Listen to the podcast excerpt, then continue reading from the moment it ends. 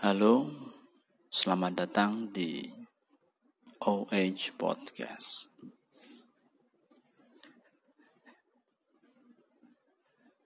Yang baru mendengarkan, selamat mendengarkan.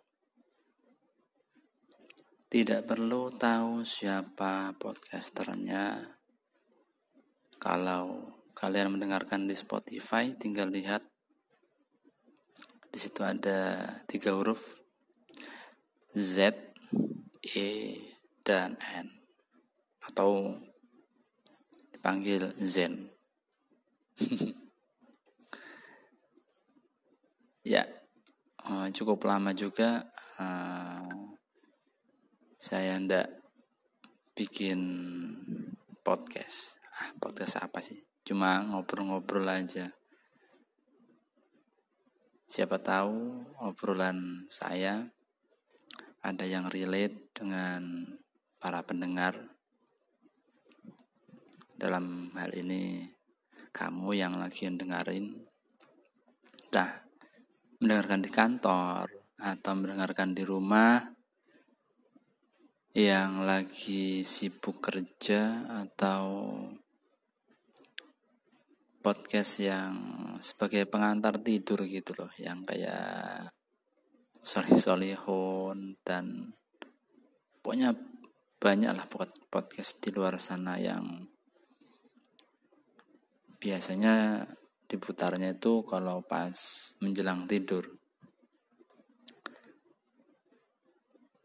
Ya barangkali uh, yang baru mendengarkan podcast saya terus klik dan akhirnya semua podcast saya didengarkan terus bahkan sampai nyandu. Ya nggak ngarep sih cuma kalau ada yang uh, yang suka sih ya senang. Sama aja ngarep kan. Oke. Uh, seperti biasanya selama beberapa menit uh, nanti saya menemani kalian untuk ngobrol ke mana-mana ya tentang uh, apa fenomena-fenomena yang terjadi di sekeliling kita. Ya entah itu negatif atau positif. Yang pasti uh, saya tidak menggibah kepada uh, orang tertentu enggak ya. karena podcast saya aman ya tidak ada gibah-gibah saya hanya mengamati dan saya tidak menyebutkan merek jadi aman sentosa Oke, jadi kayak punya radio aja sih. Ya, di episode kali ini saya ingin mencoba ingin uh, ngobrolin tentang uh, segala sesuatu itu pasti membutuhkan yang namanya pengetahuan atau ilmu ya. Jadi di dunia ini tidak ada yang didapatkan tanpa terlebih dahulu mengetahui ilmunya. Ya kayak cari duit ya cari duit. Cari duit atau kerja. Nah ini sebenarnya ini menarik juga nih ya. Jadi uh, ada istilah uh, cari duit ada istilah kerja ya. Uh, dulu itu pas saya masih zaman kuliah. Pas zaman kuliah itu sempet ya ngobrol sama ya bukan ngobrol ya diskusi sama dosen antara kata-kata kerja ya. Kerja dan cari duit. Sebenarnya yang yang betul itu kerja atau cari duit soalnya ketika uh, pas ditanya uh, misalnya ibu rumah tangga ya biasanya kan uh, ditanya pekerjaanmu apa? Pekerjaan saya adalah sebagai kontraktor. Contohnya seperti itu. Pekerjaanmu apa? Pekerjaanku adalah seorang uh, finance pekerjaanmu apa? Pekerjaanku ya sebagai pengangguran. Nah ini ini ketika ditanya ya. Pekerjaanmu apa? Pekerjaanku adalah seorang tukang soto. Tukang jual soto maksudnya bukan orang yang makan soto. Ya makan soto kan juga pekerjaan. Uh, uh, ada lagi ya. Pekerjaanmu apa? Pekerjaanku adalah uh, seorang ibu rumah tangga IRT dari semua apa yang sudah disampaikan tadi yang saya sebutkan itu kan ada yang istilahnya ketika melakukan sesuatu. Bekerja itu kan melakukan sesuatu ya. Ketika dia melakukan sesuatu itu ada yang mendapatkan uang ada yang tidak. Nah dulu itu sempat uh, apa sempat debat sama dosen. Emang kerja itu apa? Definisi kerja. Ya dia kan uh, dosen filsafat. Jadi apa pun itu harus didefinisikan dengan jelas. Ya kerja yang dapat uh, uang gitu pak. Terus ada yang jawab seperti itu. Ya kerja itu ya yang mendapatkan uang gitu. Nah berarti kalau ibu rumah tangga itu emang bukan pekerjaan kata dia gitu hampir ada yang mau menjawab mau enggak mau enggak. ya sebenarnya sih kalau di di definisikan bekerja itu ya ya seperti kata dosen melakukan sesuatu ya melakukan sesuatu entah itu yang menghasilkan uang atau yang tidak cuma di Indonesia ya itu Eh, konotasi kata kerja itu adalah lebih ke uh, melakukan melakukan sesuatu yang ketika dia melakukan sesuatu itu dia akan mendapatkan uang. Nah, itu. Ya kalau uh, ngobrol sama orang-orang yang tidak akademik ya kalau misalkan ditanya pekerjaan ya yang kira-kira menghasilkan uang.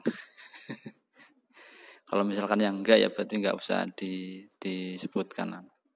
Biasanya di tidak dianggap.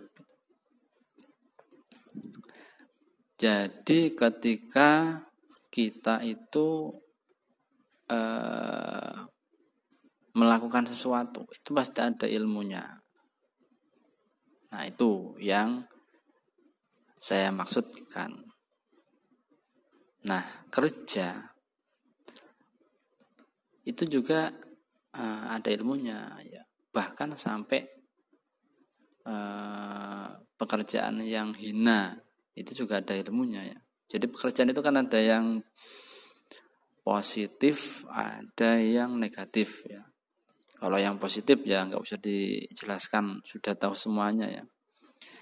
Jadi kalau misalkan ingin jualan bakso ya harus tahu kan cara buat bakso gimana kalau emang nggak bisa buat baksonya bagaimana supaya saya bisa mendapatkan bakso tapi tidak membuat? Ya membeli. Tahu hitung-hitungannya. E, beli sekian nanti untungnya sekian. Itu kan juga ada ilmunya.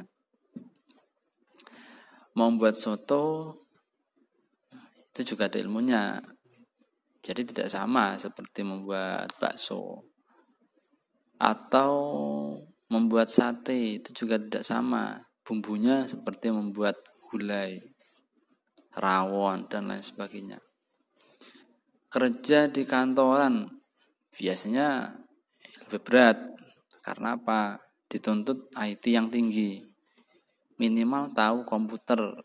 Minimal ya bisa mengoperasikan Microsoft Word, Excel, PowerPoint dan lain sebagainya.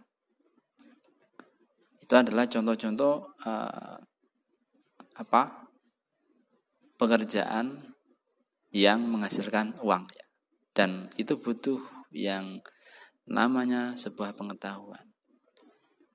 Atau yang uh, pokoknya banyak lah nggak usah disebutkan. Kalau disebutkan semuanya malah podcastnya isinya menyebutkan nama-nama pekerjaan. Maling, maling itu juga ada ada ilmunya maling itu, maling. Ya kalau ilmu maling nggak dikuasai ya pasti akan ketahuan. Berarti kalau orang yang maling terus ketangkep itu berarti dia ilmunya belum uh, belum menguasai gitu aja ya. Tuyul itu juga ada ilmunya. Ngepet itu juga ada, ada ilmunya. Semuanya ada ilmunya. Jadi uh, kembali ke awal. Jadi cari duit atau yang berbau duniawi itu juga ada ilmunya. Jadi tidak sembarangan ikut-ikutan terus uh, mendapatkan sesuatu apa yang dimau entah itu yang uh, tadi itu ya yang mengerjakan sesuatu ada uangnya atau tidak semuanya itu ada ilmunya selain hal-hal uh, hal -hal yang berbau keduniawian. Ada lagi yang ada ilmunya. Apa itu? Ya, beribadah. E, beribadah baik yang non muslim ataupun yang muslim. Semuanya itu juga e, membutuhkan pengetahuan ya Kenapa kok membutuhkan pengetahuan? Karena bagi ya, masyarakat kita yang notabene-nya memang beragama ya, ketika melakukan ritual tertentu kok ternyata tidak sama maka akan uh, membahayakan dirinya. Artinya bagaimana?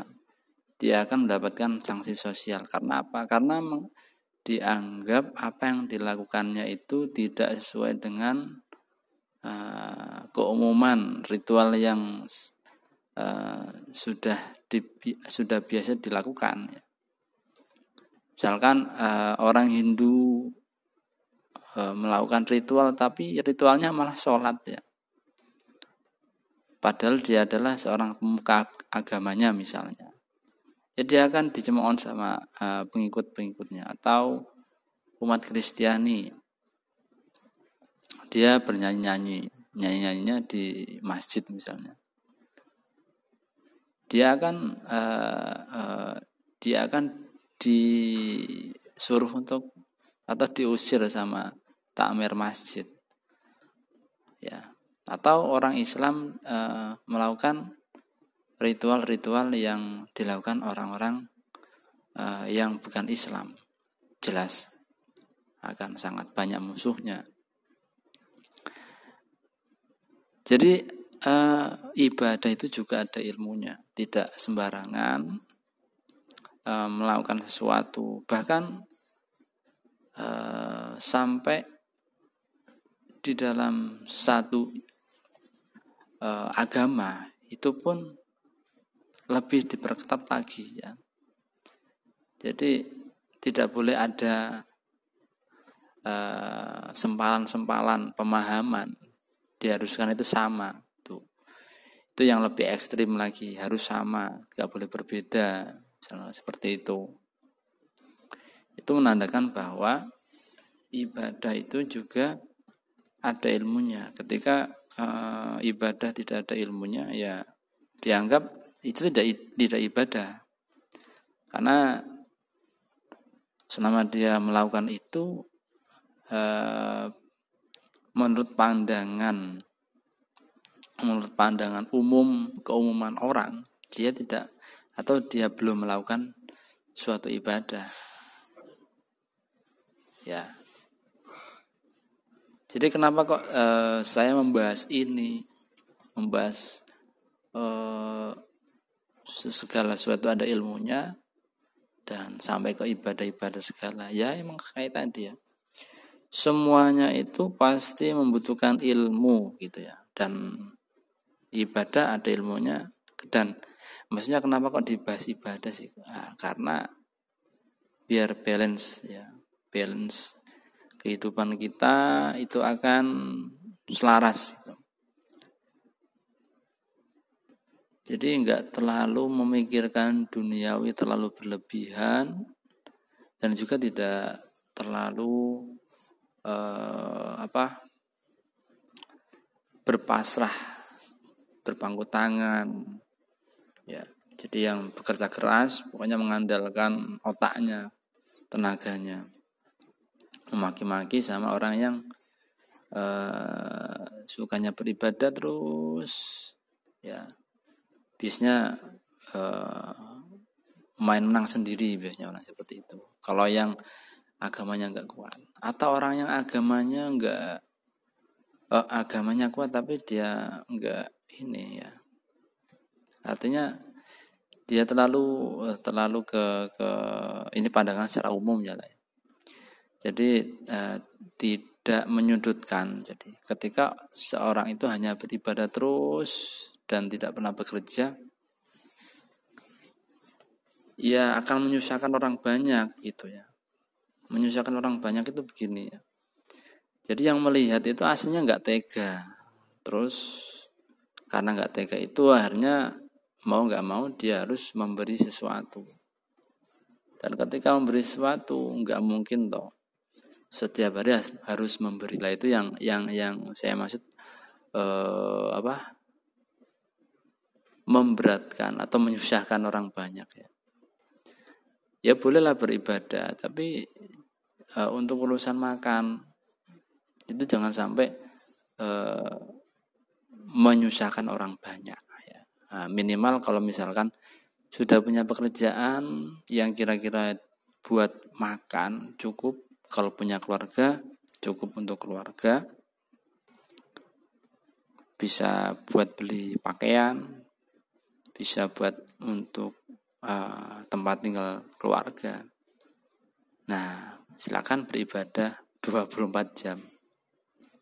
Tapi kalau misalkan belum ya balance lah. Ya istilahnya ya waktunya ibadah ibadah waktunya kerja ya kerja gitu jangan ibadah terus gak pernah kerja jangan kerja terus sampai stres karena melupakan Tuhan. Biasanya gitu. Karena apa-apa itu kalau e, semuanya di diakalkan. Maksudnya segala sesuatu itu pasti uh, hukum kausalitas. Ketika melakukan A akan terjadi B. Ketika melakukan C akan terjadi D dan seterusnya itu lama-lama uh, kalau dia tidak memikirkan uh, ibadah tidak menyangkut tidak mengikut sertakan Tuhan uh, dia akan uh, apa istilahnya melupakan. Nah itu yang membuat hati nggak nggak tenang gitu.